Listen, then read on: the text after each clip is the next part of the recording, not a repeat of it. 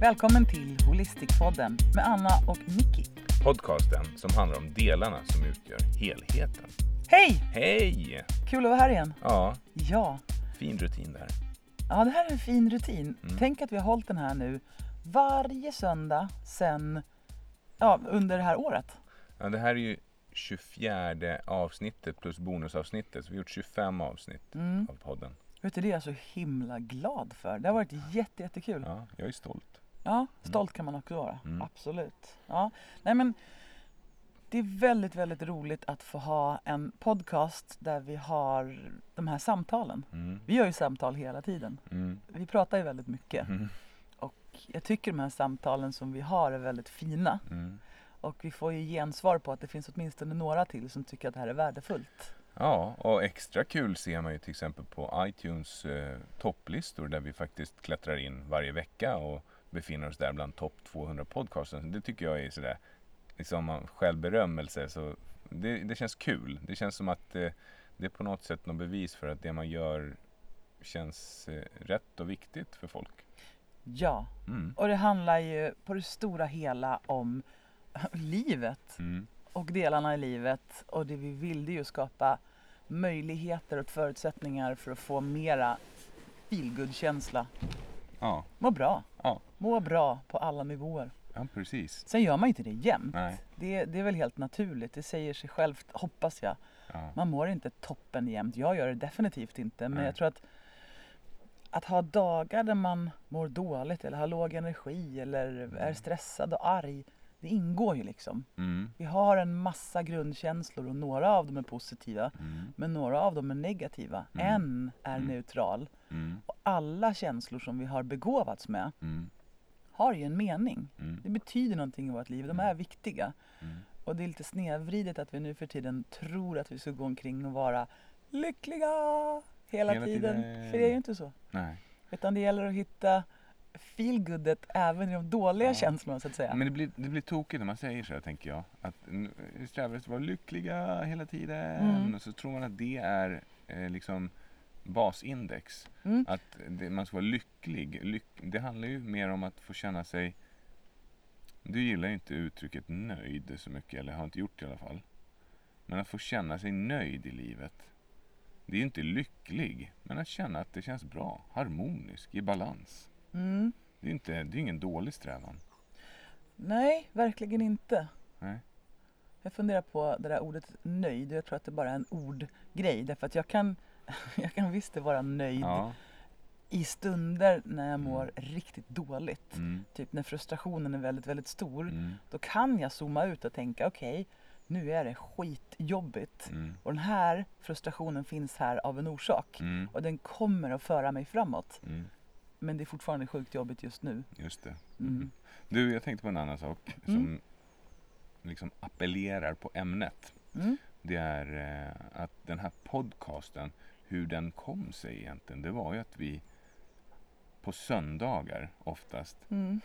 fastnade i sängen på morgonen Mm. och pratade vårat söndagsbabbel. Mm. Alltså vi kunde ju sitta kanske en, en och en halv timme och bara babbla om saker och ting, om diverse saker. Mm. Och så sa ju du någon gång så att vi borde egentligen göra en podcast av det här. Mm. Och sen tog det ett tag och så gjorde vi det. Det är Ja. jätte, jättefint. Ja, men det är ju filosofiska prat om livet och allt man har varit med om. Ja. Det var så himla kul i veckan. Jaha. När vi åkte bil och så sa jag att tänk om man fick vara 20 år igen Ja.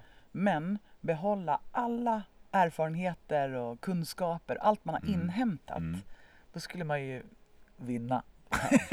Då skulle man ju Skulle man vinna i livet. rule the world nästan. Alltså ha en 20-årings fullständiga sprakande explosiva energi och samtidigt erfarenheten av en mer erfaren människa.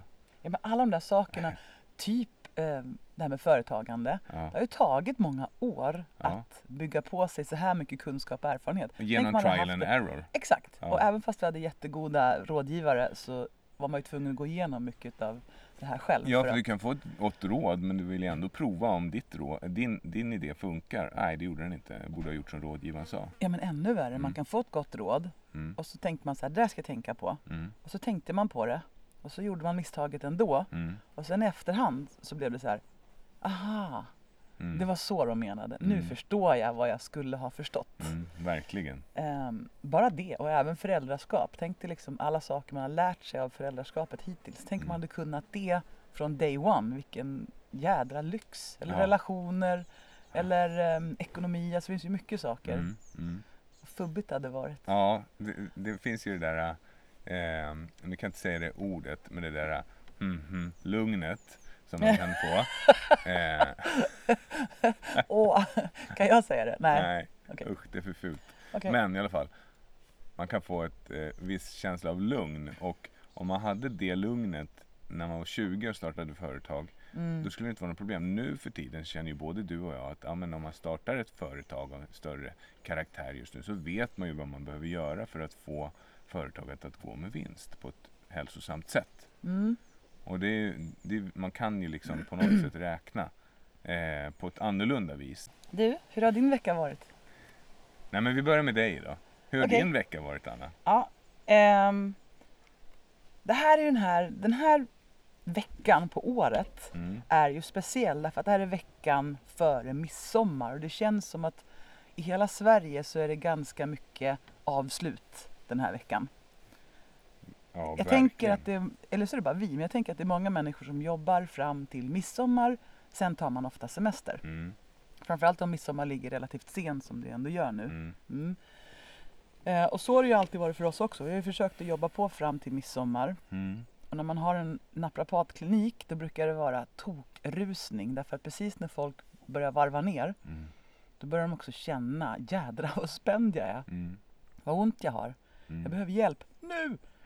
Och så får man trycka in patienter i sin kalender för man vill så himla gärna hjälpa alla. Mm, Ungefär så mm, brukar det vara. mm. Jag tror att den här veckan som kommer nu, som vi har öppet nästa vecka också, Mm. så tror jag att det kommer att fortsätta. Jag, jag tror att det där har eh, ändrat sig lite grann. Det är ju tokrusning innan midsommar, alltid. Mm.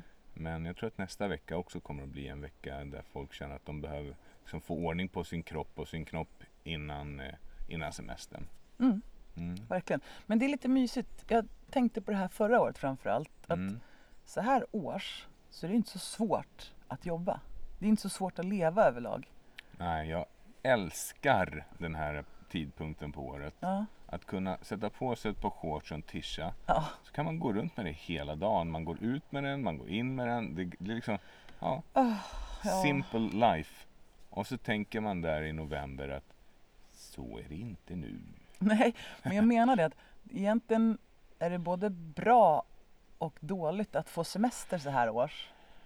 Helt Ja. enkelt, tänk om det var så här jämt. Därför att det är så Kalifornien, lätt att typ. jobba. Man kan gå upp supertidigt, Mm. man kan träna, man kan få jättemycket gjort för att det Mm. är ljust på en gång Mm. och man är liksom pigg och vaken.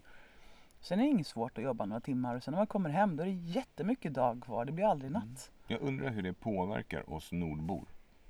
Alltså, Bra tror jag. Jo, alltså per, de här skiftningarna i, i, eh, årstider och sånt. För att, Mm. jag menar, kolla upp Kalifornien. Inte är det så att de då väljer att i juni, juli, då slutar jag träna. Alltså till exempel gymverksamheten. Nej. De har säkert ett jämnt flöde över hela Mm, året. Mm. För att det är ju ingen skillnad. Men jag pratade med, med vår kompis Minna Mm, och hon har släktingar som bor i Miami. mm, Och hon berättade att de här släktingarna de åker hit till Sverige nu över sommaren. mm. Därför att nu är det för varmt och Mm, fuktigt mm. i Miami, tyckte de. Ja, precis. Så så kan det också vara på vissa ställen. Ja, Att det är ytterligare längre ner. Too much. Vi ska åka till Kroatien. Mm. Där tänker jag nästan varje år, varför åker man hit på sommaren? Det är för varmt. Jag vill ju träna, Ja. men det är för Vi fasen... missar förhoppningsvis värmeböljan som är nästa vecka i Europa. Mm, hoppas det. Mm. Jo men hur som helst, så veckan har ju bestått av att nu har barnen sommarlov. Vi jobbar lite till. Det är ljust och fint och så är det de här ljuvliga träningstillfällena av att man kan sticka ut och springa, man kan simma i sjön vilket är helt ljuvligt. Mm. Eh, Man kan ta ut sin cykel och känna varma vindar mot Mm. kortärmat och kortbyxat. Mm. Det är mycket fint. Det var en fin cykeltur Mm. som vi gjorde. Mm. Sju mil på cykel. Mm. Ja. Jo, men du, fråga, du tänkte fråga precis hur har min vecka varit? Så jag tänkte fråga, hur har din vecka varit? Ja, men tack för att du frågar. Mm. Vi pratade lite innan och du så sa att jag vet inte. Ja, precis. Nej. Har du kommit på nu? Ja, men jag kom på att det har varit midsommarafton. Ja. Eh, vi var på Kvarngården i Knivsta. Ja. Och det var jättefint. Så traditionell eh, midsommarfirande och folk dansar runt. Folk är glada och det, det liksom, ja men det var, det var mysigt. Vet du, jag har aldrig varit där förut. Nej. Trots att det är våran hemby så Mm. har jag inte varit där. Och det var så fint så jag grinade en liten stund.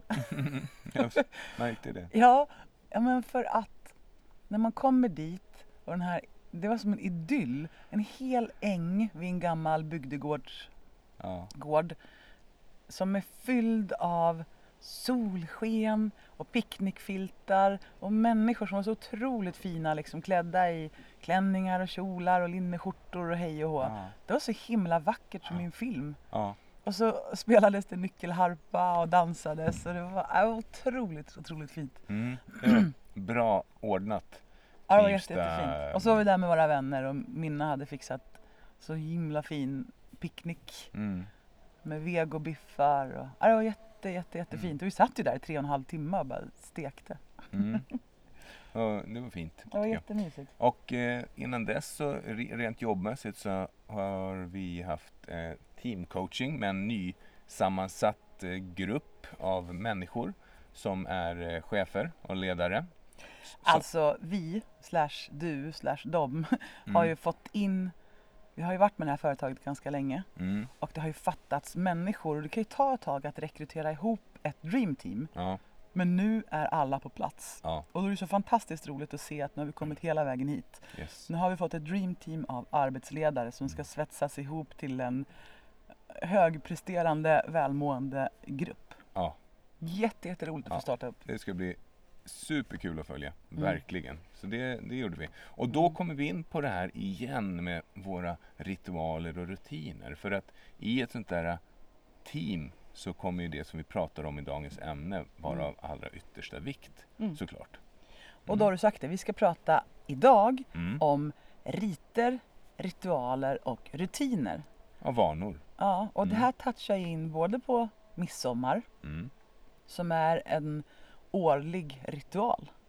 Ja, det är ju verkligen en som ritual. händer. Jag minns att vi åkte till Danmark ett år och firade. Jag har släkt i Danmark. Ja. Och så var vi i Hands eller? Danmark över midsommar.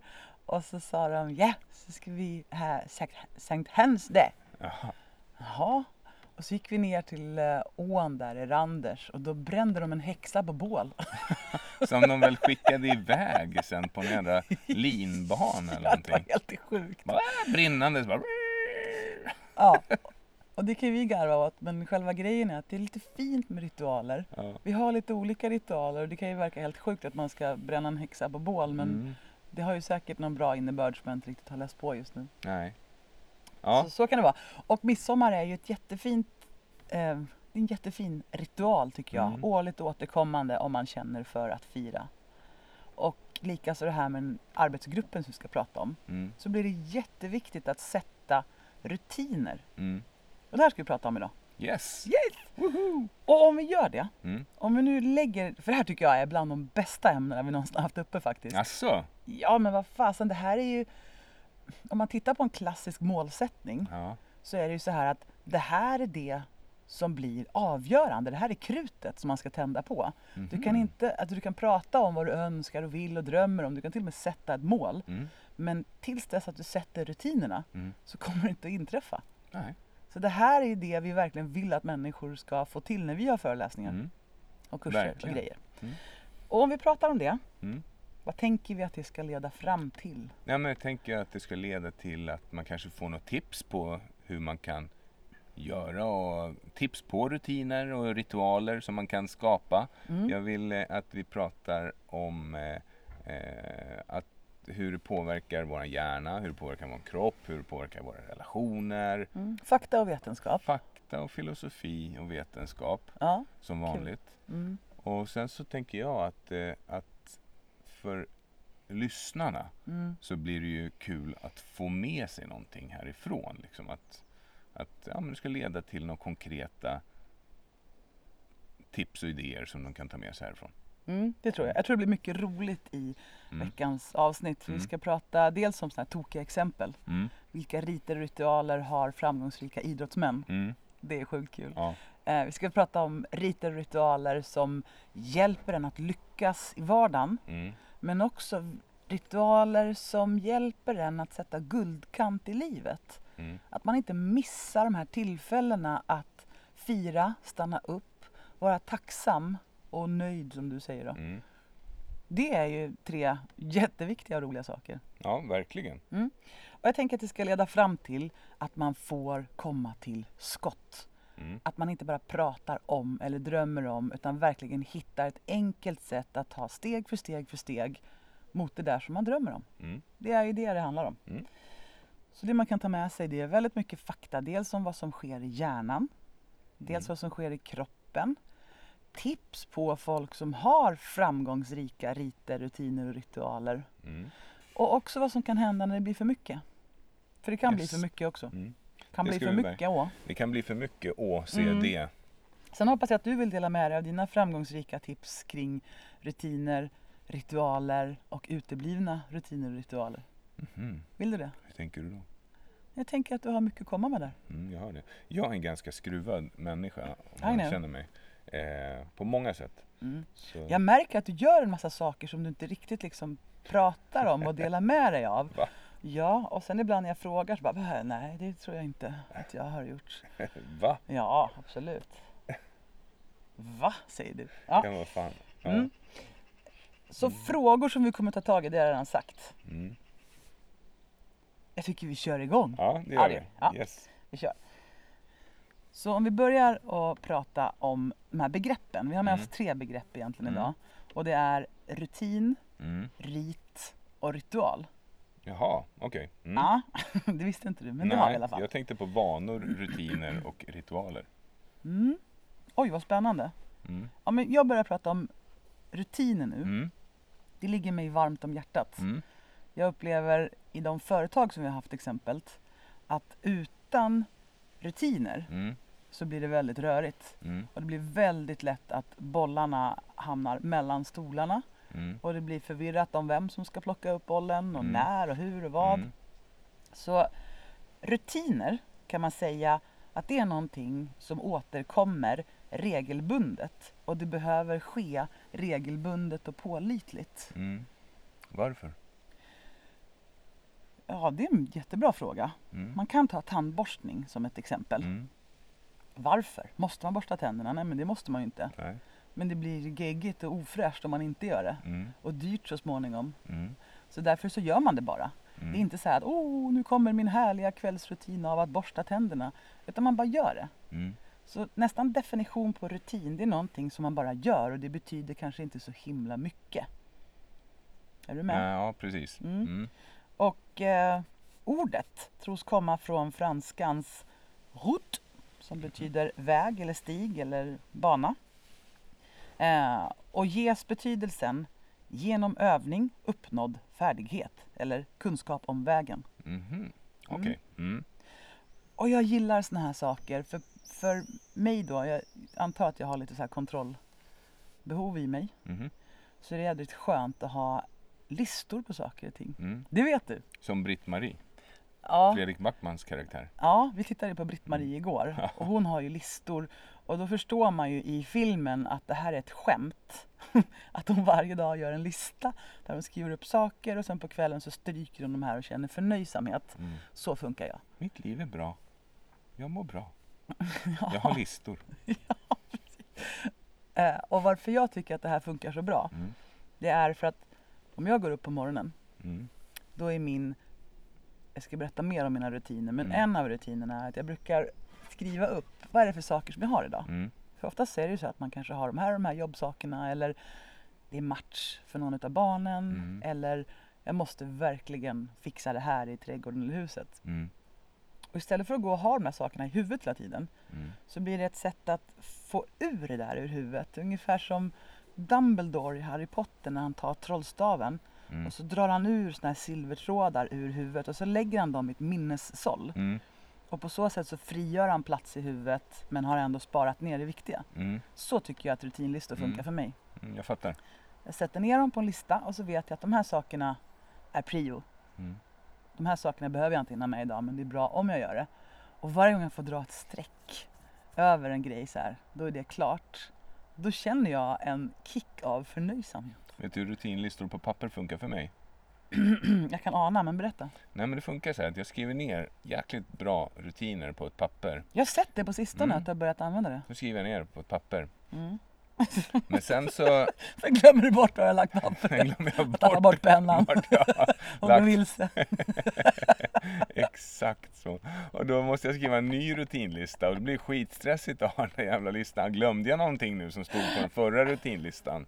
Åh, nu har jag glömt någonting, jag minns inte vad det är. Åh, Så, så jag skriver hellre i telefonen. Mina Ja, listor. Skriver telefon, då har jag på anteckningar så kan jag skriva rutinlistor där. Vilket är, då kan man sätta in en sån här liten checkruta, man kan checka av att det här är gjort. Sådär. Mm, det vet jag. Det, Det- gör jag också ibland. Ja, Fast jag älskar ju papper. Ja, och det är bra, men då måste jag ha den i bakfickan. Och ibland blir den där rutinlistan så jäkla sliten så jag ser inte vad jag skrivit. Va, med papper? Ja, Ja, Okej, för jag tänker, jag kan inte slita ut den på mobilen. nej, men jag har den i bakfickan. Mm, Mm, mm, okej. mm, Så är det. mm. När vi hade företag så skapade jag någonting som hette... Vad hette det då? Det hette rutinlistan helt Formbibeln. enkelt. Ja, bland Mm. annat formbibeln.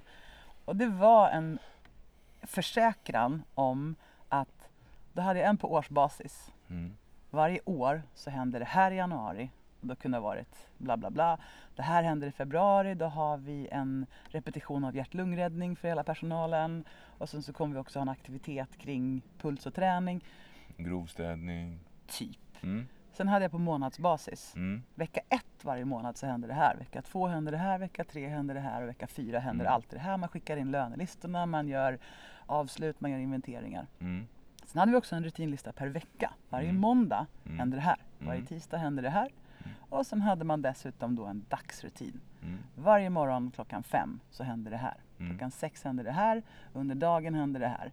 För mig är det här så otroligt skönt. Därför att då har man fått det ur huvudet, ner på papper, man kan dela med sig med andra och man kan dessutom sätta en säkerhet kring att allt det här händer. mm, Och då kan man också garantera framgång. mm, Till exempel i vårt fall när man har då ett ställe som är öppet för människor. mm. Då måste man kunna garantera att det är helt och rent och fräscht och det fungerar och man inte glömmer något och så vidare. mm. Så jag älskar det. Fint för dig. Ja. Ja. Ska vi prata om vanor tycker du? ja, det tycker jag. För, för först är jag lite nyfiken på skillnaden på just rutin och ritual. Ja men okej, en rutin är ju någonting som du skapar för att förenkla vardagen. Mm. En ritual skapar du inte för att förenkla vardagen utan det är ju för att förändra ett sinnestillstånd ofta till exempel eller en händelse i livet. Alltså du kan ha en ritual där du offrar eh, djur till gudarna. Det gör du ju för att liksom skapa en större känsla. Det är ju inte för att du ska skapa, du ska inte förenkla något i vardagen. Det är inte därför du dödar små djur för gudarna. Eller hur? Nej, det gör vi för att äta köttbullar. Nå, nå, nej men eh, så, så att en ritual och en rutin, det är väldigt stor skillnad på det. Verkligen. Om man Mm. förklarar då ritual. Mm. Det kan vara någonting som är bundet till en em, religiös återkommande händelse. Mm, skulle det kunna vara. Men det kan lika gärna vara totalt icke-religiöst. Verkligen. Men det har mer att göra med att man kanske firar någonting eller uppmärksammar någonting. Ja, Att man har mer betydelse och laddning i en ritual än i en Mm. rutin. men vi har ju ritualer. Mm, berätta. Jo men till exempel om vi, när vi är ute och gör jobb, Mm. när vi giggar, det är ett populärt ord nu då. Ja. Gig-ekonomi. Våra Ja. kompisar som vi firade med, Thomas och Minna, Ja. de är ju Dan, de är dansare, professionella artister, dansare, eh, producenter. Ja. och de giggar ju hela tiden. Ja. ja då sa, sa du det. Ja, vi var ute på ett gig.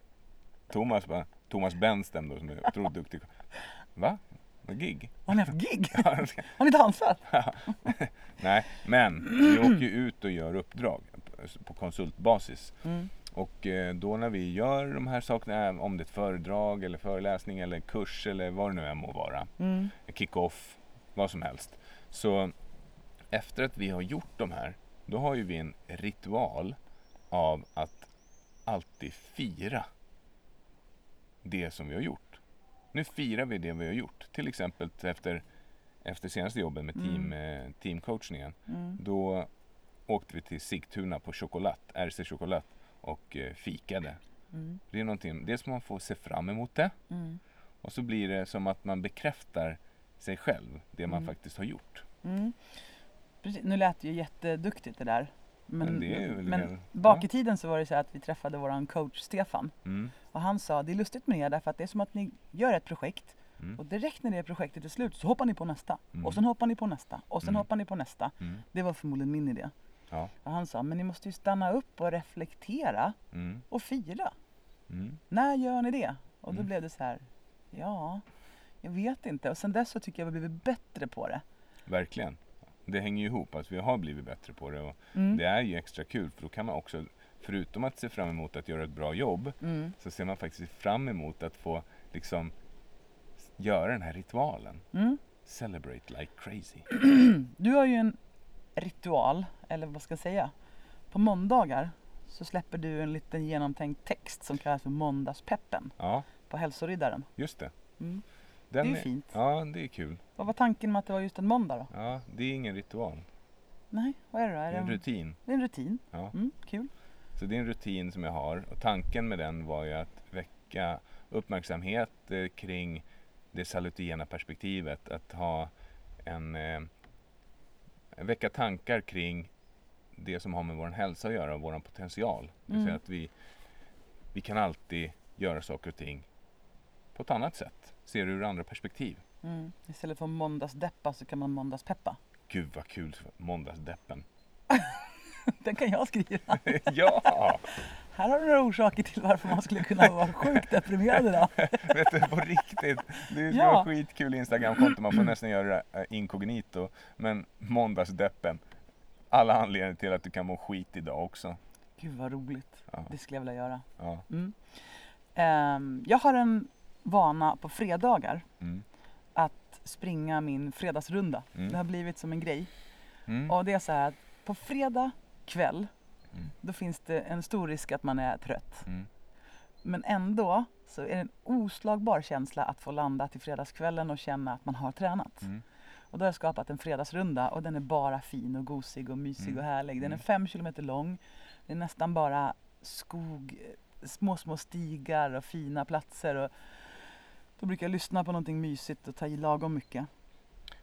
Ja. Och hela den här rundan är så laddad av feel good för mig. Mm. Så att det tar inte ens emot. Och jag vet att även om jag är supertrött, även om det är sent och mörkt och snöigt och kallt så kan jag alltid sticka ut och springa den och må bra efteråt. Vad coolt. Och då tänker jag att det är en rutin mer än en vana. Ja, fast det börjar gränsa på ritual på ett sätt i och med att det är mer värde laddat i den. Det är inte bara någonting så här som att så, där, bra, fredagsrundan. Nej, det Utan sant. det är någonting som jag ser fram Ja. emot. Eh, jag laddar den med bra poddar som får mig att få väldigt mycket känslor. Mm. Jag springer alltid på ett visst sätt. Mm. Det finns vissa saker som man måste göra. Eh, ja. Jag tänker att vanor är vanemässiga beteenden. Det är någonting som är till för att underlätta för hjärnan. Mm. Inte, inte vardag, eller det, det gör ju det i, sin, i slutändan, men en vana är ju någonting som 95% av alla våra tankar och beteenden är vanemässiga. Mm, Och 5% är liksom de här som vi måste ha rutiner för. mm. Så till exempel en av mina vanor som jag har, det är att jag sätter på mig kalsongerna före byxorna. För tänk dig om den vanan inte skulle vara automatiserad. Mm. Hur var det nu igen? Nu tar jag på mig byxorna, sen tar man på sig kalsongerna. Fan! Det Min, fel min brorsa hade svårt för det där att ta på sig kalsonger när han var liten. Jag kan tänka mig det. Varje morgon fick min mamma fråga, har du tagit på dig kalsongerna? Ja, det har jag. Jag får kolla då. Nej. Jag ska bara kolla en sak på rummet. Och någon gång så stack de ut ur fickan och någon annan gång så kom de ut ur byxbenet där nere. Det är gulligt. Det är- Jag vet inte vad det var som var så jobbigt men jag, jag vet inte om man har lärt sig det ännu. Ja, men det hade varit gulligt om, det hade, om man inte hade varit 16 år. Det var inte så. Han var mindre. Ja. Men vet du vad? Mm. Ordet ritual kommer från latinens ritualis. Nämen. Det som hör till riten, det religiösa bruket ritus. Mhm. Och det var den beprövade erfarenheten av att göra någonting på ett visst sätt. Mhm. Och det kan också komma från gamla, gamla vediska skrifter Oj. på sanskrit, alltså mycket av det som ligger till grund för den yogakultur vi har idag. Mm. The lawful and regular order of the normal and therefore proper, natural and true structure of cosmic, worldly, human and ritual events. Wow. Det är fint. Mm. Och det där var så intressant för jag var på eh, en yogavecka för några år sedan Mm. på Shambhala Gatherings i Skinnskatteberg. Ett fantastiskt ställe att åka till om man Mm. vill uppleva yogavärlden bland annat. Och en sak som jag tog med mig därifrån det var just vikten av ritual. Mm. Att man stannar upp i tillvaron och visar vördnad och tacksamhet för de här sakerna som man annars bara tar för givet. Så varje kväll så satte man upp ljus och så gjorde man såna här mandalas av blommor och blad och växter. Fint. Och en del av en kan ju tänka Åh herregud varför ska jag lägga tid på det där för? Mm. Ska jag ändå bara sopa ihop dem om en timme? Mm. Men en annan del av en tänkte ju att vad fantastiskt fint att få stanna upp och ge sin tid och energi åt att dekorera den här platsen där vi nu ska sitta tillsammans en timme och dela den här upplevelsen. Mm. Och det där tog jag med mig hem och tänkte att jag vill ha mer ritualer i mitt liv. Mer tillfällen av att ja, men, helga stunden. Mm. Så det, det är fint tycker jag. Ja, Mm. jag tänker att eh, det är ju precis det som jag nämnde tidigare, att en ritual är ett sätt att ändra sitt state of mind. Mm. Det är ju precis det ni gjorde där. Va? Ni skapar den här mandalan för att kunna sitta ner och Mm. samla, samla tankarna, reflektera för att Mm. förbereda er inför det som komma skall. Mm. Men jag tänker att det också kan vara så enkla saker som att när man ändå tillagar en middag Ja, och serverar mm, till människor mm, så kan man lägga lite extra omtanke. mm, Det gjorde de där. Mm. De dekorerade till slut maten med blommor och blad mm, och ställde fram den och man välkomnades till en måltid mm. tillsammans. Det var inte bara att skälpa i sig kalorier inför en tv-show. Nej, Utan tvärtom så var det att stanna upp och använda alla sina sinnen. Och när man tänker på det så är det ju en gåva att få äta. det är det ju. Och att få äta tillsammans Det är en väl gåva. det är väl en ritual om något, det här med Verkligen. att vi äter tillsammans. Det tror jag är en av de äldsta ritualerna ever och finns i så otroligt många former. Att man delar, det kommer väl från att bryta brödet tillsammans och dela vinet. Och Ja, det fanns väl säkert innan dess också. det tror jag verkligen. Mm. Men jag kan också gissa på att nu för tiden så är det många måltider som intas utan en minsta lilla ritual eller tanke eller känsla. Exakt, det bara sker i farten. Mm. Det är lite sorgligt. Jag blir lite ledsen då Ja, när jag tänker på det. jag läste en text igår om det här. Mm.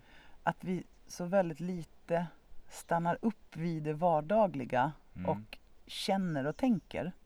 Och därför får vi ett ökat krav på att det ska hända så mycket. Vi ska uppleva så mycket, vi ska konsumera så förbaskat mycket för att bli nöjda. Mm. Och kanske är det så enkelt som att man börjar helga vardagen Ja. lite mer. Ja. För när man tänker på det så finns det ganska mycket att stanna upp vid och vara tacksam för. Mm. Verkligen. Mm.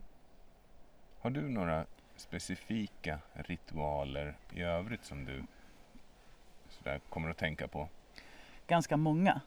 Har du några positiva ritualer som du skulle kunna dela med dig av? Nej, jo det har jag. Mm. Dels kommer de här självklara grejerna som högtiderna som är runt året. Mm. Ibland kan man ju känna att man blir lite less på traditioner.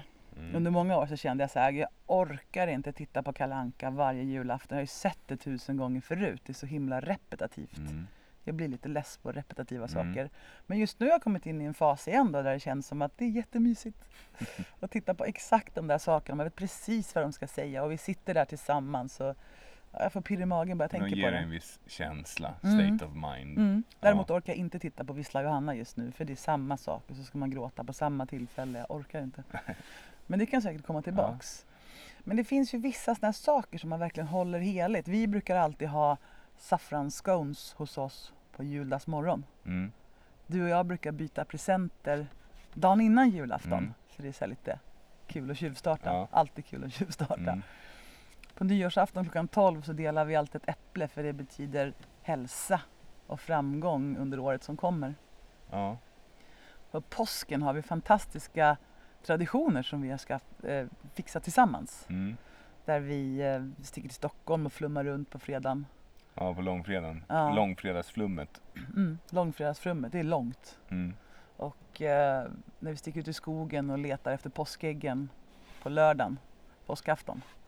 Tänk att påskharen alltid har varit på den platsen och lagt ut äggen med, med trådar knutna till sig som, som man måste let, Mm. följa. Det är tidskrävande men värt det. Hälsar kan- påskharen. Ja, ja precis. Men hur kan du veta det? Sådana saker. Mm. Och midsommarafton är ytterligare en sån här tradition som på något sätt, det är ju magiskt att Mm. få fira midsommar. När ljuset är här och när det blomstrar överallt. Det är ju väldigt, eh, ja och sen i mars så föds alla bebisar. Det är ju väldigt romantiskt och ursprungligt och fint Mm. tycker jag. Midsommarritualen. Ja, det som betydde ännu mer för mig för några år sedan det var att få cykla Vätternrundan. Det kändes som porten in i sommaren. Mm. Att få fira sommaren med att vara uppe och cykla i flera timmar på natten. Det var Mm. fantastiskt. Mm. Jag tänkte på det igår när vi var ute och cyklade. Mm. Jag har cyklat sex Vätternrundor. Det är ju, ja, Mm. undrar om det kommer bli någon till. I Mm. don't know. Nej, vem vet. Mm. Ja, du Jo. då? Ja, men ja. De positiva ritualer som jag har. Jag tycker att mina morgonritualer, alltså man tänker morgonrutiner är en sak. Det är de sakerna som man kanske inte pratar om jämt. Det är som alla människor gör tror jag. Men eh, mina morgonritualer. Jag vet exakt hur dina morgonrutiner är. Men Nej. jag tänker inte prata om det heller. Det vet du inte alls för du ligger och sover, din Mm. gris. Ändå Eh. jag. Så jag går upp lite tidigare än resten av familjen. Mm. Och sen så kliver jag upp och så dricker jag en halv liter rent kallt vatten. För att det känns som, det krispar det till i kroppen. Det känns som att det kommer ut i cellerna på en gång. Jättebra. Sen sätter jag på kaffebryggan, väntar på det. Och sen en tid tillbaka så sätter jag mig och läser en liten stund då. Inte inne på toaletten, eller hur? Nej, Nej. inte på det, utan bredvid kaffebryggan för jag tycker det är ett mysigt ljud. Mm. Sitter jag och läser en liten stund i tysthet i huset. Och sen så dricker jag lite kaffe. Och sen senaste tiden så har jag sen mediterat 10 minuter med Headspace-appen. Mm. En väldigt fin ritual som sätter en skön standard i huvudet. Mm. Så det, är- det är väl en positiv morgonritual tycker jag som jag har sysslat med den senaste tiden. Mm. Vad kul. Mm. Jag har den senaste tiden skrivit i mina böcker. Mm. Ja, jag har så här lite morgonfrågor, jag brukar skriva lite reflektioner, brukar skriva listorna. Sen brukar jag också dra mina tarotkort Ja, på morgonen. det är faktiskt kul. Det är jättekul. Oavsett om man tror på det eller inte. Det är ju ändå metaforer. Man Mm. får tro precis vad man vill. Mm. Men det som är så himla roligt är att där har jag en rutin. Liksom. Jag blandar kortleken exakt på det här sättet. Vänder på den en gång, Mm. kuperar den en gång. Och sen får man då upp tre stycken kort. Och de här korten betyder lite olika saker. Och då kan man reflektera kring det. Mm. Hmm, vad kan det här betyda för mig? Vad, Mm. Det är lite givande. Mm. Det är som att vi ibland använder conversation cards när vi har våra utbildningar. Man får fram ett tema och så säger man att kan du reflektera lite grann kring det här? Mm. Ja, det kan jag göra. Mm. Och så dyker det upp saker. Mm. Det är ett Så det är jättespännande. Det är jättebra. Du, Mm. jag tänkte på en sak. Det är ett snedspår nu. Mm. Men tror du att ritualerna är orsaken till att folk är så rädda för varandra? Oj, vet, jag, jag pratade med en människa här i veckan som jag inte hade diskuterat det där med homosexualitet med tidigare. Just det. Och, eh, Det var en äldre person Ja, kan det, vi var säga. en, det var en äldre person, Mm. en gammal generation. Och så tänkte jag, det här är en person som säkert inte tycker något särskilt om det här överhuvudtaget. Utan jag nämnde att ja, då kommer den här personen på besök och, och hon är eh, homose- homosexuell. Och eh, ja, ja, kul, vad roligt att hon har träffat en partner, så, sa jag då. Tycker att det är trevligt. Och så säger den här personen så här att mm, nej, Nej, jag tycker inte att det känns okej faktiskt. Helt okej. Jag tycker det har förstört någonting. Jag, jag, har in, jag kan inte längre se på henne på samma sätt som förut. Jag bara, what? Va? Du förvånar mig. Och då tänker jag att de här, det är ju på något sätt att det skapar någonting annat. De här ritualerna som man ser framför sig som man har som man och kvinna.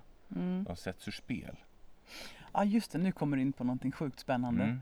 Just det, kan man kalla det för en ritual? Ja, men jag, jag tänker att det finns här under eh, bo, inneboende liksom ritualer inom oss att så här ska saker och ting vara. Det finns kristna ritualer, det finns muslimska ritualer, det finns judiska ritualer.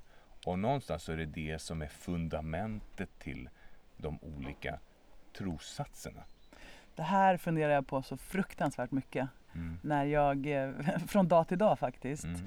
Vem kom på att det skulle vara så här? Jag tycker vi har så snäva mönster Alltså i våra vem liv. bryr sig, tänker jag. Man Men det är nog ganska många som bryr sig. Men Jo, framförallt, jag vet. vem var det som kom på att man skulle vara barn? Ja. Och barn är uppenbarligen väldigt öppna, Ja, fria i sinnet, fritänkande, inte så rädda. nej. Det var någon fantastisk föreläsare, Sara Klas, som sa det. Hur många tvååriga nynazister ser ni? ja, inte jättemånga. Inte jättemånga. Utan den här rädslan och därmed det stängda sinnet, det är någonting som kryper på oss under åren. Mm. Och tids nog när man då har kommit upp i 20-årsåldern, då är man alldeles övertygad om att en pojke ska träffa en flicka. Och förr i tiden var det i alla fall så att det var nästan pojken som skulle fråga Mm. flickan och så skulle Mm. flickan vara glad och tacksam Mm. över att bli tillfrågad. Mm. Och sen ska man göra någon sorts giltigt förbund. Och så ska man bo i en låda. Mm. Och sen ska man ha ett och två och kanske till och med tre barn och det är väl trevligt om det kommer en av varje sort. Mm. Sen kanske man så småningom skaffar sig ett husdjur. Och sen ska man bygga till lite grann och få lite större och lite mera. Alltså det är så konstigt att det här finns som ett mönster. Jag undrar om det verkligen appellerar på alla. Nej men det tror jag inte att det gör. Det är det som skapar motsättningarna. Mm. Och det är då folk blir rädda. Mm. För att det här hotar ju deras existens. Just det, och vissa blir mer rädda när folk väljer att kliva utanför de här mönstren. Jag vill, jag vill bo med tre män och en kvinna. Eller jag vill inte vara gift, jag vill vara polyamorös, jag Ja. vill vara eh, icke-binär. Verkligen. Mm. Liksom, och det, det är så jäkla intressant att tänka. Vad, Jag vad älskar skulle, den här vad, friheten. vad när skulle folk, hända om människor var mindre rädda? ja, vad skulle hända om man inte var rädd alls? Vad skulle hända om man var tillåtande till att alla människor gör sina val och så länge ingen annan blir skadad mot sin vilja så är det okej. Ja, Tänk vad det skulle bli fint. ja förmodligen. Jag tycker det vore fantastiskt. Ja men det var ett snedspår. Men det handlar om ritualerna i våra liv ändå på något Ja, sätt. I guess. Det handlar om det förväntade. Mm. Det vi förväntas göra och den mall vi förväntas kliva in i. Mm. Och, Och där hur kommer väl ritualen in. vara. Att, mm, det, här är ju, det här är en ritual som vi utför varje år. Det, så är det bara. Mm. Och så blir det på något sätt värderingsstyrt. Att, ja, men det är en värdering. Det gör man bara. Så gör man bara. Mm. På tal om det, vi ska ju fira bröllopsdag också. Ja, just det. Det är också en sån där ritual som man känner sig lite kluven till. Ja, vad då? Jag vet inte. Vill du inte ha presenter? Har du köpt en present? I så fall känner jag mig mindre kluven. Easily bought. Mm. Ja. And fooled. Mm. Så, Nej men du, mm, nu backar vi lite grann här. Mm. Vi har pratat om rutiner mm, som verkar vara mer sånt som man liksom bara gör. Typ Mm. borsta tänderna. Typ ta på sig kalsongerna före jeansen. Ja, jag har en rutin att varje, varje, varje måndag så tar jag tag i min administration. mm, Och det är så enkelt därför att det blir alltid gjort. Och det är ju viktigt därför Mm. att om jag inte gör det då blir det kaosigt med påminnelsebrev och inkassokrav och våran bokföringstjej blir sur om jag inte lämnar in i tid. kan vi sluta oss till att rutiner är skapade för att konservera energi? Ja, det är ju per definition så. Okej. Men alltså om vi då går till riter och ritualer så Mm. kan de både vara religiösa eller icke-religiösa. Och det fina är det att man får hitta på dem själv om man vill. Ja, Men förmågan att stanna upp, känna saker Mm. och fira. Mm. Så jag tycker man kan använda det i, i de mest klassiska målsättningsprocesserna. ehm, mm, Så finns det ju med en ingrediens av att faktiskt fira. Reward. mm, Jätteviktigt. mm, Så lika viktigt som rutinen är för att man ska komma till målet, mm. lika viktigt är ritualen för att man ska verkligen belöna sin Mm. strävan. Mm. Så det här är egentligen två ingredienser i klassisk målsättning Mm. som dessutom gör det kul. Kul, vad roligt. Mm. Mm. Jättebra. Snyggt, snyggt. Så om man går till lite framgångsrika människor, Ja, vill du höra några bra exempel? ja, verkligen vill jag höra det. Idrottsstjärnor. Mm. Mm. Kan du direkt få fram en idrottsstjärna som har en viss ritual som du faktiskt vet om? Ja, kan jag två stycken på, på en gång. Ja, vad spännande. För det här måste du ha gjort avtryck på dig. Berätta. Stefan Holm, Ja, vad gjorde han? han eh, gnuggade sig själv i ansiktet tror jag. Mm, han höll på jättemycket Ja, och klappade runt i Han ansiktet. blinkade och Ja. i fejan. Och eh, Och Kajsa när Berg, gjorde han det? ja, men precis innan han skulle eh, hoppa Ja. över sina höjder. Mm, exakt. Och Kajsa Bergqvist också. Mm, och vad gjorde hon då? Hon slog sig på benen Mm, och och så här, ropade till sig själv. Eller något. ja, så stod hon och gjorde så här Ja, med just det. Fingrarna. just Så här, det. det, det, det, det, det. Hon, för, hon visualiserade. Ja, precis. Mm. Exakt. Och sen var det en, eh, jag är dålig på vilka som gjorde vad. Jag tror att det var Boris Becker som alltid studsade bollen så här, framåt och bakåt med racket. Dink, dink, dink, dink när han gick. Ehm, Mm. Så innan han skulle serva. Mhm. Mm. Okej, ja vad spännande. Ja men precis, så det är ju två roliga exempel och jag har några exempel till. Mm. Michael Jordan, när han började spela i NBA 1984 Mm. så spelade han alltid längre shorts än alla andra. Jaha. Och det var för att få plats med sina North Carolina shorts från college under shortsen som han fick från Chicago Bulls. Och i och med att han gjorde det så blev han en trendsättare och nu för tiden så spelar alla basketspelare med lite längre shorts. Ja, shit vad roligt. Och naturligtvis var ju det hans turbrallor som Ja. han var tvungen att ha på sig. Ja. Det är ju ganska kul. Ehm, I fotbolls-VM 1990 så hade den argentinska landslagsmålvakten Sergio Goyocheca, nu blev det kanske inte bra uttal, men um, Sergio Ja, Goyo... Ja, Goyocheca. okej. Säkert. Säkert. Vet du vad han gjorde? Nej, Han urinerade på planen före varje match. mm, inte PK. för att eh, det skulle ge tur. Så bland annat då i kvartsfinalen mot Jugoslavien så kissade han lite grann på, på planen. Och det gick ju bra. Han sa att han gjorde det här så diskret så att det var ingen som klagade. Fiffigt. Vad dumt. Ja, så kan det vara. Ja. Serena Williams, du vet den här fantastiska ja. amazonen till tennisspelare. Mm. Mm. Hon byter inte strumpor under en hel turnering. Och det verkar ju funka bra. För henne. För henne ja, precis. Mm. Men inte för de som delar omklädningsrum. Nej. Björn Borg vann fem raka Wimbledon-titlar åren 76 till 1980 och segerkonceptet för de fem triumferna var att, Ja, jag vet inte. du vet inte, Nej. låta skägget växa Jaha. och spela i nästan identiska randiga tröjor. Det här är några roliga exempel är- på hur idrottare får för sig att om jag bara gör det här så, så blir det bra. Jag kan ju fortfarande inte bli att dunka mig själv tre gånger i ryggen när jag åker över en sån här brunn. Men nu går vi in på ritualer som är vidskepelse. Mm. Men det hänger lite grann ihop för att det är förankring av tillstånd igen. Ja, Alltså verkligen. det är att, Eller om det går en svart katt över vägen så ska man spotta tre för gånger. att du ska känna dig säker. Ja men precis, så att Alltså. inte olyckan kommer. Ja. Ja, Det, det är lite grann det här om den medvetna viljan eller självdisciplin som det handlar om. Att skapa någon form av bättre tillstånd för prestation. mm. Alltså Jag brukar till exempel när jag skulle ställa upp i triathlon Mm. Jag använder väldigt sällan nagellack eller fiffar med mina naglar för jag är naprapat och jag uppskattar att ha naglarna väldigt kortklippta och helt neutrala. Oh, jag med. Det är jobbigt när Ja. man växer ut. Ja men precis, det, det är liksom min ritual att hålla naglarna väldigt korta och klina. Mm. Men när jag ska tävla i triathlon Mm. då kan jag hemskt gärna köpa ett nagellack. Därför att under den här långa tiden av, dels man simmar, Mm. så varje andetag så bara Åh, titta de är blåa, Alltså det där är så konstigt med. Du, du gör det på riktigt. Jag tycker det är helt menlöst. Jag tycker det är jättekul Att när jag du- cyklar så ser jag så här, titta blåa naglar, vad kul. det är ju en bra sak Ja. som man kan göra. Ja. Jag brukar också göra yoga innan jag ska tävla. Ja, För det ger också en bra känsla av liksom, att coola ner systemet. Verkligen. Mm. Är bra rutiner. Jag har en text där som jag tänkte läsa från en bok. Mm. Mm. Då står det så här.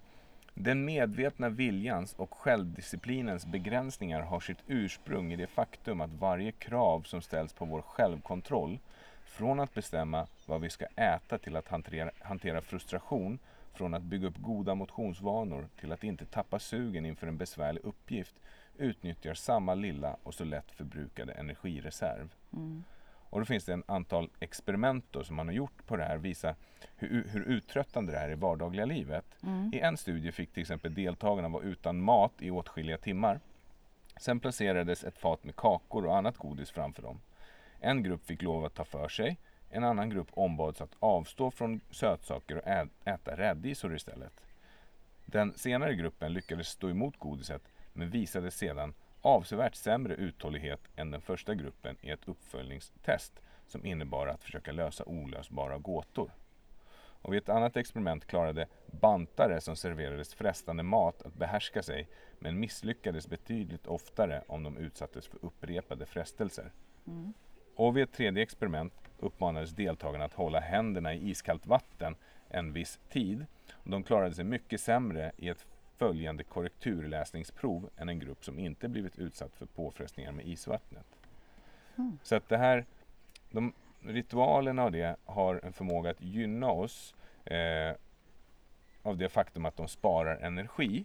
Mm. Medan eh, man också kan se till att då skapa positiva ritualer. Mm. Alltså, och det är de här positiva ritualerna som är det där som du beskrev nyss med Ja, hålla men som bland annat idrottsmän också Mm. håller på med. Mm. Och till exempel specialstyrkor, förband, militärer. De skapar ju eh, ritu- eh, både ritualer och rutiner Mm. för att skapa mer automatiserade system. Ja, jag tänker Mm. på framgångsrika stora företag som blir tvungna att skapa väldigt mycket automatisering. Jag tänker till exempel på McDonalds. Mm. De tar ju in väldigt mycket ung personal Mm. som snabbt ska in i någonting som fungerar Mm. och som borgar för att det blir samma goda kvalitet hela tiden. Och där är det ju detaljstyrt. Ja. Först kommer brödet, sen lägger vi på det här och sen så gör vi så här och sen gör vi så här.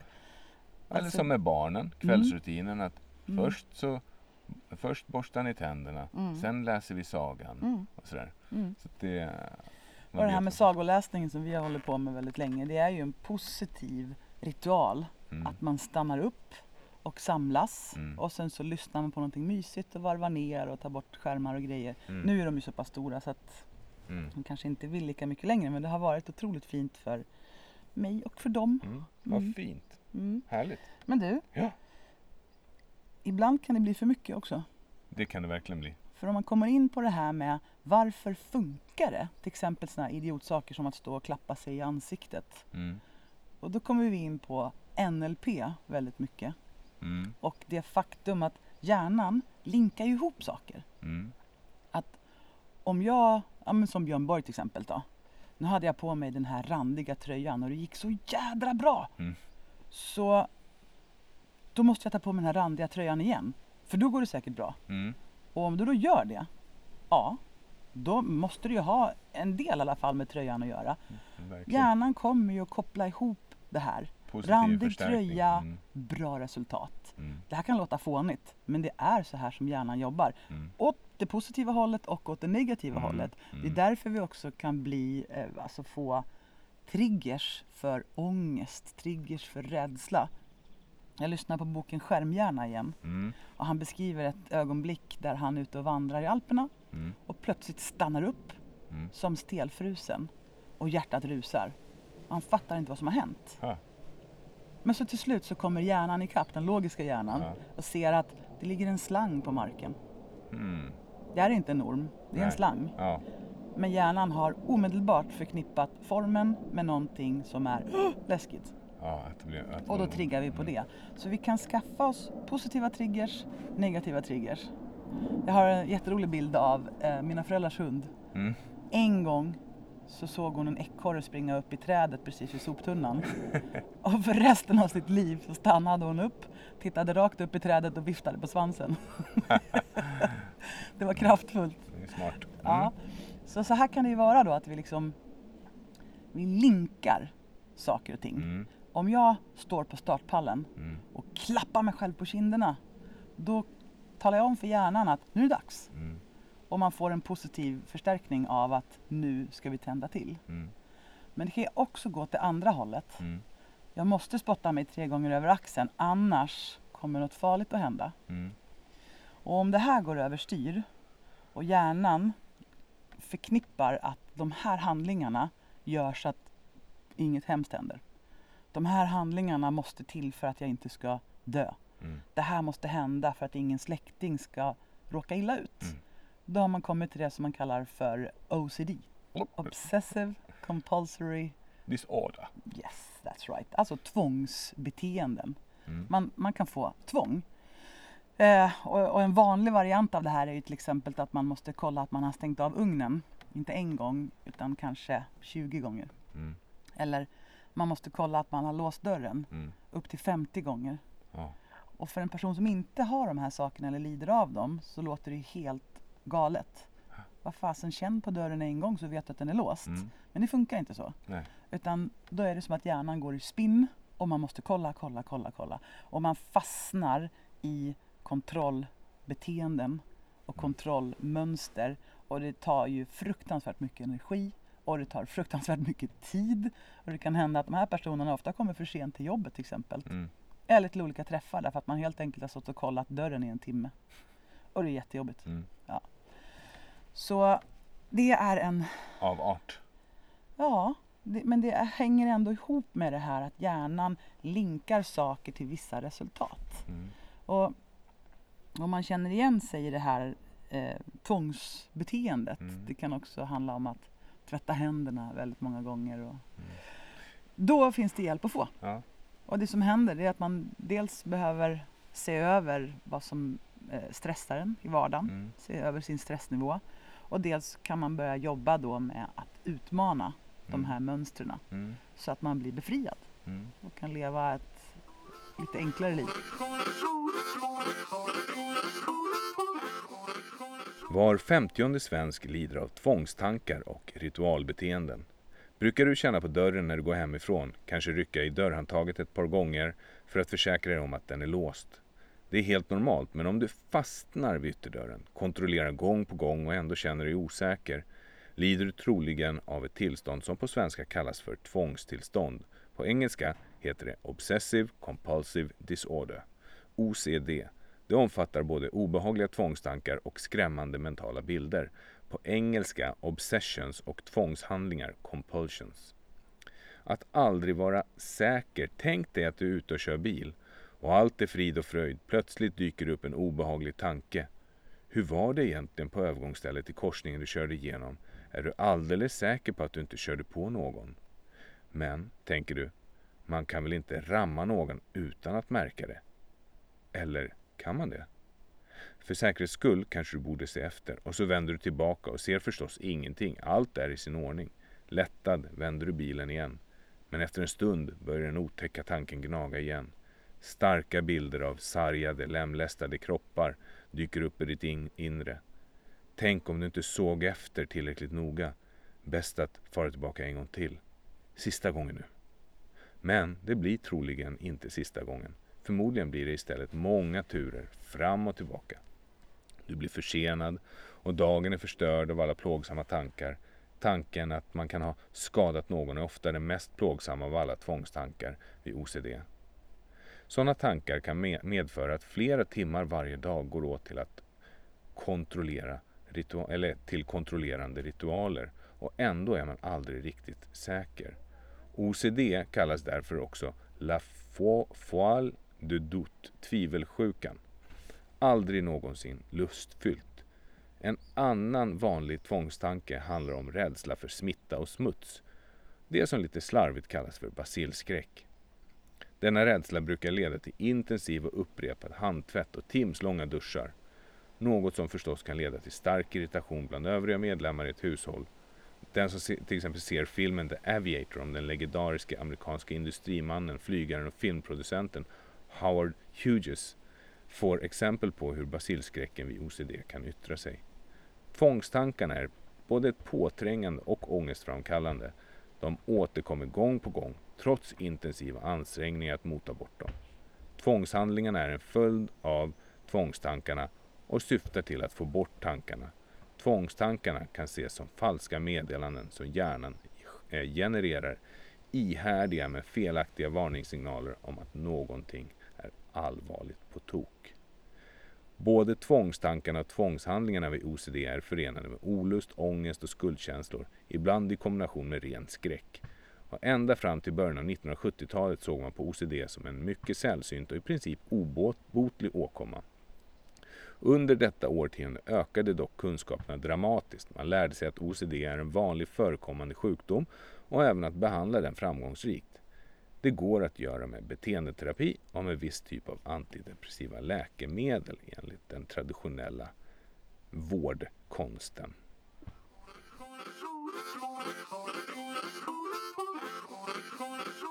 Jag tänker att eh, den här NLP-metoden som vi använder vid PTSD och fobier, Mm.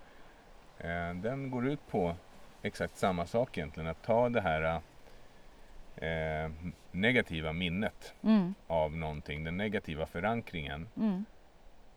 förvrida det och egentligen måla över det med ett mer positivt känslotillstånd. Mm. Det är som att bryta en länk. Ja. Jag som sitter och fifflar med hemsidor och länkningar Mm. och här saker ibland. Där finns det en knapp för att länka. Man Mm. knyter samman någonting. Nu hör de här ihop. Mm. Och så finns det en knapp där man ser att den här kedjan har ett brott på sig. Mm. Det vill säga man bryter länken så att det hänger inte längre samman med det här beteendet. Mm. Och det är väl precis det man gör. Mm. Men genom NLP-processer kan man göra det väldigt effektivt. Ja. Det kan ibland gå på en gång men så är det borta. Precis, det är märkligt men det kan gå fruktansvärt snabbt. Mm. Minuter pratar vi om. Ja, verkligen. Hjärnan är ju lustig på så sätt. Ja. Det För hur, hur, hur, snabbt tar, hur snabbt går en förändring? Jo, när du Mm. väl kommer på vad du ska göra så går det så här fort. Mm. Det är bara ett knäpp ifrån, i princip. Mm. Mm. Så du, Mm. vi har pratat en himla massa om rutiner och ritualer. Ja. Och även om vi inte har pratat om ens i närheten av alla rutiner och ritualer så skulle man kunna säga så här att när vi jobbar med patienter och klienter Mm. så är det ju ganska självklart ett mönster. Mm. Ett problem finns Mm. och då pratar vi lite grann snabbt om problemet Mm. och sen tar vi direkt och riktar om uppmärksamheten. Mm. Okej, men så vad vill, du, vad vill du ha istället? Mm. Typ, jag har ryggskott, vad vill du ha istället? Ja, men bli bra i ryggen såklart. Mm. Och då har man ett mål. Men om du inte sätter action till det här, då kommer ju ingenting att hända egentligen. Nej. Och samma sak är det ju om man har ett läge i livet som man inte är nöjd med. En Mm. relation, ehm, det kan vara ett arbete, det kan vara en situation. Mm. Mm. Då pratar man om att det här är problematiskt, vad vill du ha istället? Ja, men jag önskar det här, jag drömmer om det här, det här skulle jag vilja Mm. uppleva. Mm. Och oftast är det här dolt för människor. När Mm. man säger vad vill du? Då säger de flesta jag vet inte. Så då kan man bena fram det. Men samma sak där. Man är inte klar bara för att man har satt fokus på vad man vill ha. Det hjälper jättemycket. Ja. Men låt oss säga att en idrottsman säger jag vill vinna OS i pistolskytte. Mm. Grymt! Lycka till! Mm. Det räcker ju inte. Utan den här personen kommer ju behöva sätta in en rutin av att skjuta pistol väldigt mycket. Mm. Ofta. Mm. regelbundet. Därför att den som tränar mest kommer i stort sett att bli bäst. Så en rutin kommer att leda fram till en möjligtvis då ritual där man får fira att man vann OS-guld. Ja, spännande. Så han, han, dels så måste han till, sätta till, han måste kanske bryta vissa tidigare vanor Mm, för att sätta skapa de soffan rutinerna. Ja. för att få uppleva den ritualen. Mm. Ja, men, och så här kan man också säga att en rutin som är en rutin Mm. kan ju vara tråkig. Ja. Men för dig att sätta dig bredvid kaffebryggaren, lyssna på ljudet Mm. och läsa någonting som ger dig någonting. Mm. Det gränsar väl ändå på ritual? ja, det är en rit. Det vill säga det Mm. blir en det, det blir känsla av värde. Ja, ändra mitt state. Verkligen. Mm. Jätte, jättebra. Eller som till exempel att göra yoga på morgonen. Ja, verkligen. Det kan ju vara en rutin men det kan Träna också bli en ritual. Jag kanske Mm. tänder några ljus, läser en fin text, drar några kort och Mm. tränar yoga och Mm. då börjar det gränsa på ritual kan jag tycka. Verkligen. Om jag nu har tolkat det rätt.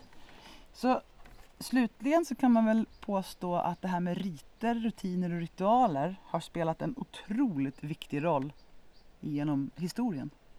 Verkligen. Och jag tror att det, det, är, det är en det, är en funktion i vårt system helt enkelt Mm. som behövs för att konservera och spara energi. Mm. Ja.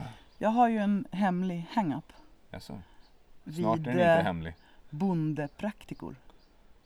Jaha. Jag har, jag Just har flera stycken sådana Mm. som jag går och läser i. Och Mm. det är så fantastiskt kul för där kan man följa vad som har varit viktigt genom århundraden.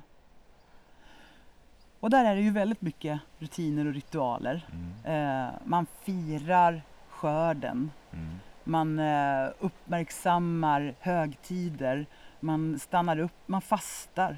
Mm. Och det är också liksom en ritual för att Mm. helga saker som har hänt tidigare. Och när man sen har fastat så kommer det en festmåltid. Och, Mm. och jag tänker så här att vi människor behöver det där. Det hör ihop med kasammet. Ja, verkligen. Och jag tänker, har vi tappat bort det lite grann? Nu när allting är så maxat hela tiden och vi på ett sätt firar varje dag. Det är, det är nästan bubbel varje dag och varför inte öppna en flaska vin på en tisdag? Men absolut. Vi firar hela tiden lite grann och då blir de här vardagliga ritualerna kanske betydelselösa så då försvinner de och sen så blir det någon sorts beige tillvaro. det är en tanke i alla fall. Det är en tanke. Mm. Jag har tänkt det. Men oavsett så tänker jag att vi behöver de här äh, stunderna där vi stannar upp och firar. Mm.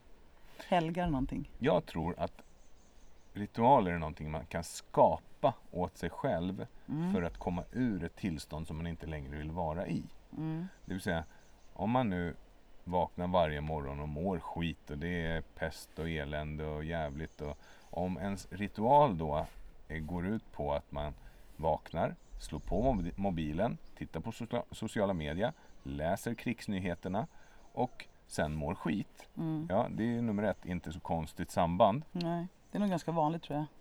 Och, och då kan man då tänka att okej, vilka morgonritualer skulle jag kunna göra istället för det här Mm. som kanske skulle få mig att må bättre? Ja, Mm. nummer ett då, till exempel, jag har en mobilfri halvtimme det första jag har på morgonen Mm. och jag läser inte nyheterna utan jag läser någonting som får mig att må bra Mm. istället. Mm. Det sätter ju liksom på något sätt standarden Mm. för resten av dagen. Visste du att vi nuddar våra mobil ungefär, gissa hur många gånger per dag? Man har gjort, exemp- man har gjort eh, studier på hur många människor man, ah, hur många gånger människor i snitt tar upp och kollar sin telefon Två per dag. tusen gånger. 2600 gånger i snitt per dag tar vi upp Alltså och kollar den. någonting. Ja. Det är helt tossigt. Faktiskt. Men alltså, mig näsa, vad kan vi annars lägga tiden på? kan Tror, ta på oss jag tror det här själva. med skärm är viktigt. Mm. Men du Nicky, Mm. eh, det här är ju sjukt inspirerande. Mm, mm. Därför att då är det ju det här att vi skapar vårt liv, vi skapar våra vanor och vi får inte en bättre kvalitet i livet än de vanor och rutiner vi kan committa till. Nej, Håller du med? jag håller absolut med. Så här kommer en liten så här avklädd fråga. Mhm. Vilka rutiner och ritualer skulle du vilja sätta in från och med nu och sommaren ut som kommer att göra någonting bra för dig? Lite så här, vad vill du sluta med, vad vill du göra istället? Vad vill du börja med? Jag vill sluta Mm. äta för mycket. För Mm. även bra mat kan man äta mycket av. Det var ju väldigt modigt av dig att säga. Mm. Jag har väldigt lätt att fastna i att mm, vad gott, lite till, mm, gott, lite till. Unnet. Mm, unnet. Mm. Och det, det, det, gynnar inte mig på lång sikt. På kort sikt så känns det jättemysigt, ungefär i 10 minuter. Och känns det inte bra. Så att, eh, att skapa en rutin som gör att jag äter balanserat. För att det, det är bra för mig, det är bra för alla runt omkring mig, det är bra för min framtid och så vidare. Jag som känner dig, jag vet att du käkar ju så snabbt så att om du skulle ägna dig åt mindful eating då skulle det vara löst kanske.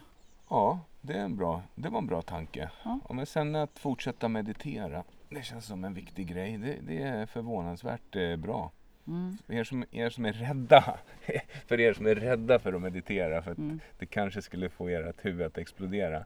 Prova det ändå. Det kommer inte explodera, utan ni kanske kommer upptäcka någonting annat. Mm. Man tränar sig i det. Okej, Mm. men så det är två bra liksom, eh, rutiner kan man nästan säga. Mm. Har du någon sån här ritual? Va, så, vadå? Skulle du vilja införa en ritual i ditt liv? Som skulle kunna ge någon positiv? Eller vill du extra mycket stanna upp och fira någonting i sommar? Milos Ah. födelsedag till exempel. Nej, jag vet inte ens vilken dag det är. 13 juli. okej. Nej, men det, nej. Ja, låt mig tänka på det. Mm. Jag ska nog skapa en sån ritual. Mm. Men det ligger ju inte dig kanske jättenära. Nej. Genom tiderna så är är det ju kanske inte du som har just stått för högtidsfirandet. Hemma hos Nej, oss. nej, inte på det sättet som för dig. Det är inte lika liksom tongivande. Nej. Nej. Fast jag tycker att det är kul också. Mm. Men ja. Du då? Mm. Ehm, en sak som jag, jag har legat lite lågt på att utmana mig själv på träning på sistone. Mm. Det har väl haft en massa orsaker eller så har jag bara halkat in i det. Mm. Så en sak som har givit mig väldigt, väldigt mycket på sistone det är det här med att komma ut och kanske komma ut och träna tillsammans med andra. Mm. Så man dras med i ett tempo eller en volym av träning som man inte hade tänkt sig från början. Mm. Det gör väldigt mycket för mig. Mm. Jag garvade åt det igår när vi cyklade. Ja. Att det finns vissa typer av hästar och hundar Mm. som man vet redan från början att den här typen behöver väldigt mycket motion och aktivering Mm. för att kunna fungera på ett bra sätt och Mm. inte bli knäpp. Mm. Och då tänkte jag för mig själv att jag är nog en sån typ av varelse som behöver mycket motion och mycket aktivering. Det kommer inget bra ur mig när jag inte får det. Nej. Jag märker också på det att du mår väldigt eh, Ja, bra av att göra aktivitet. och jag har försökt att utforska den andra sidan det här som naturligtvis uppstår då. Men vad händer om du stannar ner och lugnar ner och saktar ner och sådär. Och eh, jag har hittills inte hittat så mycket värde i det. det kanske kommer. Inte utan det andra väl? Nej, precis. Det är det där. Jag behöver det där andra för att... Ja. Och lite grann har jag kommit till det här läget just nu att ja, men, då, då skiter jag nästan i att vara nyfiken på det andra för att det är så betydelsefullt att få hålla på. Så häromdagen så sprang vi en... På midsommarafton sprang vi en halvmara klockan sju på morgonen. Du sprang, inte jag. Nej, okej. Det var i Mm. alla fall fantastiskt. Det var jag och några andra. Mm. Och igår så var vi ute och cyklade i två timmar. Mm. Det var också helt fantastiskt Mm. och idag hoppas jag kunna få simma eller något. Mm. Ja. Så det, det är fint. Så träna är en positiv ritual. Mm, Som man kan definitivt. ha. Ja men det är ju en rutin mera. Ehm, Träna din hjärna genom meditation. Precis. Den, den kan jag få in mer som en rutin tror jag. Ja. Alltså jag behöver bara sätta in en tid för det. ja. Och äta balanserat. Ja, det är en bra rutin att ha. Ja. Mm. Ja, det var det du pratade om ja. Precis. Att äta balanserat. Mm. Mm. Men sen är det det här med ritualer. Jag, jag är up for it. Jag tycker det är kul. Mm. Så jag tycker hej och hå, fira mera. Mm. Jag tycker att man ska fira namnsdagar till exempel. Jag tycker Mm. man ska fira årsdagar. Jag tycker man ska fira högtider och personliga små framgångar och grejer. Ja, istället för att ställa frågan varför man ska göra det så Mm. kan man ju ställa frågan varför inte? Verkligen. Jo, för att inte ha kul. Jag Ja. tror vi har täckt in en hel del grejer och Jag jag, tror att det är dags det. att runda av lite grann här. Ja. Ehm, men, men avslutningsvis, Ja. de rutiner du har i livet Mm. kommer att skapa resultat. Och förändra tillstånd. Jajamän. Mm. Och har du då en uppsättning skitdåliga rutiner, Mm. då kommer du få resultat därefter. Men när som helst när du stannar upp och bestämmer dig för att jag vill skapa de här och de här och de här rutinerna Mm. och committar till dem och tar och känner efter, är det här rimligt i mitt liv? För ibland så kan man sätta upp, nu minsann ska jag sluta äta och börja jogga och alltid vara fit. Mm. Då kan man ju ibland känna att det här tror jag inte ens på själv och så Nej. håller det i tre dagar och sen skiter det Det sig. blir för jobbigt. Ja. Ja, det blir inte hållbart i tillvaron helt Nej. enkelt. Men att sätta upp någonting som man känner att det här är faktiskt rimligt. Och det kan ju Mm. vara en förändring. Det är ju Mm. oftast det. Mm. Och ibland kan det vara två. Mm. Men det kanske räcker med en. Sätta en rutin. Kanske skapa känsloförstärkning kring den här rutinen så att det blir något mysigt. Mm. Typ att jag ska börja äta frukost på morgonen och jag ska lyssna på Mm. mysig musik under tiden eller vad det kan Mm. vara.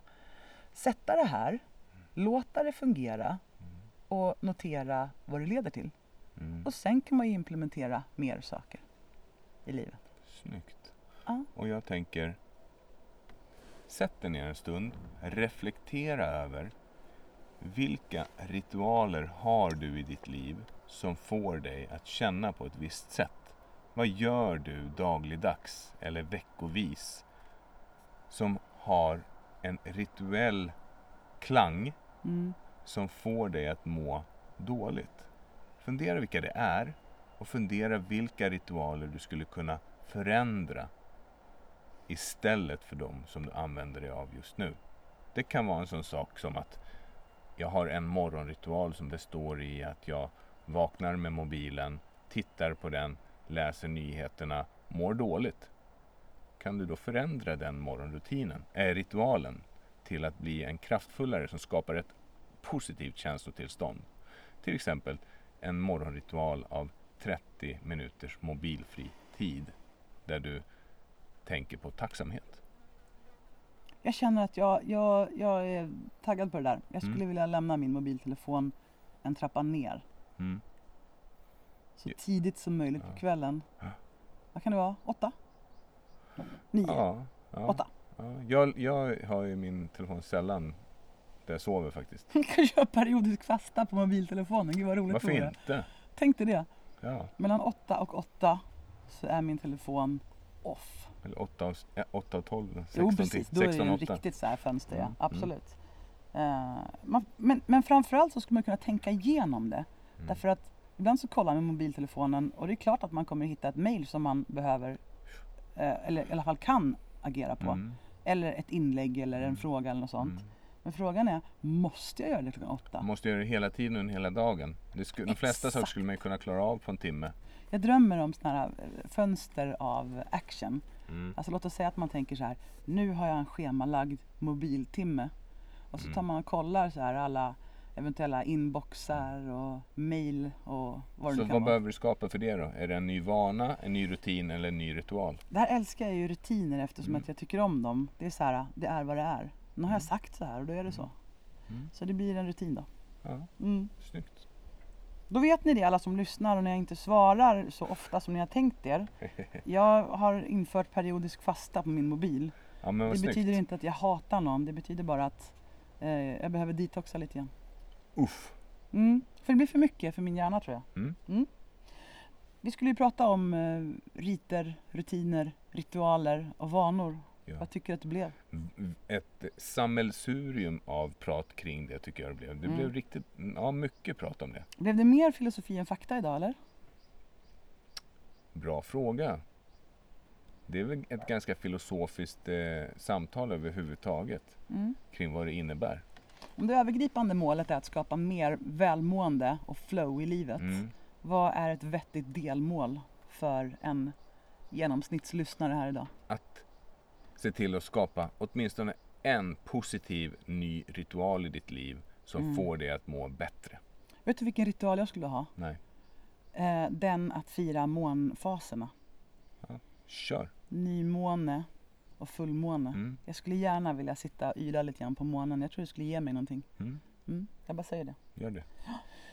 Ehm, om, om, om man kör i diket då? Och bara, nej nu tappade jag min rutin, det gick åt skogen. Den här ritualen var inget bra. Mm, Ja, då gör man en ny. mm, Eller så provar man igen. mm. Men jag vill bara lägga till där att om man borstar tänderna varje morgon och varje Mm. kväll Mm. och så glömmer man en dag. Behöver man inte sluta borsta tänderna för det för Nej. att det gick åt skogen. Det var ju sjukt bra. Utan, Åh, nu glömde jag borsta tänderna idag. Då kommer jag aldrig mer göra det i hela mitt liv. Exakt. Utan då är det ju så här att då får man tänka att Usch, ja nu blev det ju lite extra lortigt på tänderna här men I'm back on track. Nu kör jag igen. Mm. Och Åh, om man nej, glömmer nu- två dagar Ja. är det ju samma sak. Åh nej, nu sätter jag på kalsongerna på jeansen igen. Ja precis. Nej, jag kommer aldrig mer sätta på kalsongerna. nej. Nej. Exakt. Så man kan, ju, man kan ju tänka så här att det är helt okej att köra i diket. Mm. Det behöver inte betyda att man ska sluta och ge upp. Mål i sikte. Mm. Mm. Och så kan man ju göra det här tricket med att man zoomar ut och kollar på sin, sin eh, tillvaro utifrån Mm. lite grann från distans. Mm. Sådär. Hur ser det ut för mig? Hur Mm. funkar det liksom? Vad behöver jag mer av och mindre av? Mm. Kanske man drar med sig en liten kompis för det ökar ju liksom committet till Typ så här, ska vi ses och gå en morgonpromenad en halvtimme varje morgon? Mm. Ja det gör vi! Mm. Och när man då känner Häromdagen hade jag bestämt min kompis att vi skulle gå ner och simma i sjön. Mm. Jag var trött, jag var stressad och jag bara kände så här Inte en till tid att passa, jag orkar inte. Mm. Men jag hade ju bestämt. Mm. Så då gick jag ner dit. Och det blev ju magiskt. Mm. Åh, det var så fint. Vi gled fram, solen sken, det var grönt. Det var helt underbart. Fint. Ja. Nu tycker jag att vi avslutar den här ritualfyllda veckan midsommar. Mm. Det är ju någonting magiskt med det. Mm. När sommaren står i blom och ljuset är med oss och människor lever loppan och känner sig levande. Mer levande än någonsin. Mm. Så nu går vi in i sommaren Mm. och tar med oss en vilja att stanna upp och känna och fira och vara tacksam.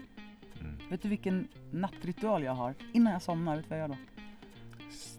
Varje dag. Lägger laptopen på min sida av sängen. Nej. Nej. Ja. Utan det sista jag, sista, sista jag gör innan jag somnar, och det här är viktigt, Mm. det är att jag säger tack för alla saker som jag har eh, fått vara med om och få ha i mitt liv. Vad fint. Tack för barnen, tack för Nicky, tack för familjen, tack för huset, tack för ja, så de sakerna som jag har fått vara med om under dagen. Bada eller så. Det gör jag faktiskt också väldigt ofta. Mm. Din keeper. Och så brukar jag målsätta hur jag vill vakna på morgonen. Hur jag vill må när jag vaknar. Den är bra, den funkar jättebra. Det har jag Mm. glömt på sistone. Mm. Mm. Därför det blir som det blir. Så, nu drar vi till Furuvik. Nu drar vi till Furuvik. Hej då! Hej då! Som vanligt så kan ni också följa oss på sociala medier, till exempel via Instagram, at formholistic, eller på Facebook, formholistic. kan också följa oss på LinkedIn, Form Holistic Leadership. Gå gärna in på vår hemsida också, www.formholistic.com och läs Holistic-bloggen och massa andra saker om oss och vad vi sysslar med och pysslar med.